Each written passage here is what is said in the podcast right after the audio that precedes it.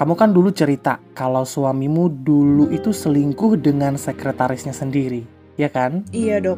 Tapi salah saya tuh di mana? Saya jadi takut untuk menikah lagi dok. Dan saya trauma sama sikap suami saya yang tiba-tiba berubah sejak tiga tahun menikah. Selamat datang di podcast obrolan meja makan. Podcast persembahan Medio Podcast Network bersama Nova. Sebelum mendengarkan podcast ini, jangan lupa untuk beri rating terbaikmu dan follow podcast ini serta media sosial kami di Instagram at Medio by KG Media, at Tabloid Nova Official, dan di TikTok kami at Medio by KG Media. Seluruh kisah dalam drama audio ini terinspirasi dari kisah nyata. Namun, ada penambahan tokoh, dialog, dan konflik murni untuk dramatisasi. Cerita ini diambil dari artikel di tabloid Nova.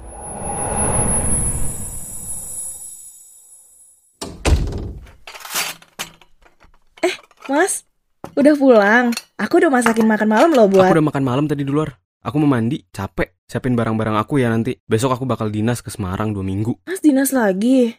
Mas baru pulang tiga hari yang lalu loh. Ya udahlah.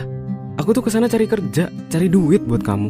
Gak usah ngoceh deh. Bukan gitu mas, aku cuma khawatir kalau kamu tuh capek. Apa sih kamu? Udah dibilang, aku kerja. Kamu gak usah nuduh-nuduh aku selingkuh. Mas, aku cuma takut kamu capek. Aku bahkan tuh gak kepikiran kalau kamu tuh selingkuh. Ah, eh, ah, udahlah. Nanti aku packing sendiri aja. Capek debat sama kamu. Mas, udah tujuh tahun loh, Mas. Tujuh tahun. Kita tuh pacaran tujuh tahun dan baru menikah dua tahun. Tapi kenapa kamu berubah, Mas? Kenapa? Padahal aku baru aja mau kasih tahu kalau aduh anak kamu. Aku hamil. Tapi kenapa kamu berubah?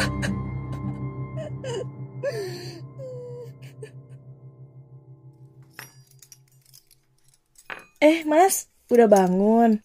Aku udah siapin sarapan kesukaan kamu loh. Di sini ada. Aku nggak sarapan ya. Aku minum susu aja. Udah telat ini. Nanti nggak usah tunggu aku pulang ya. Bye sayang. Iya mas, tapi mas bekalnya udah aku siapin loh mas, mas, mas.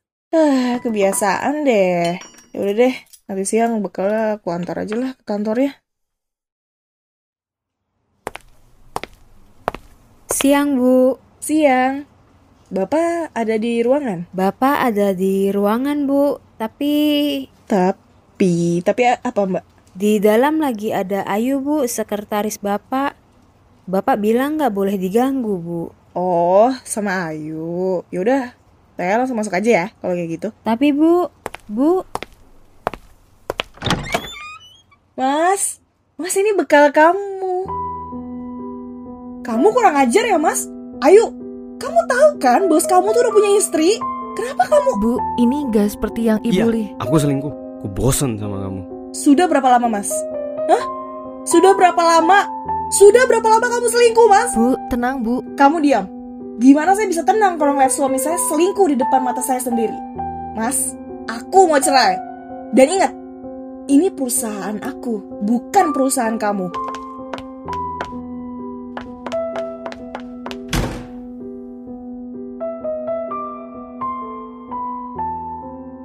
Ya, saya bersyukur banget sih saya lebih cepat taunya.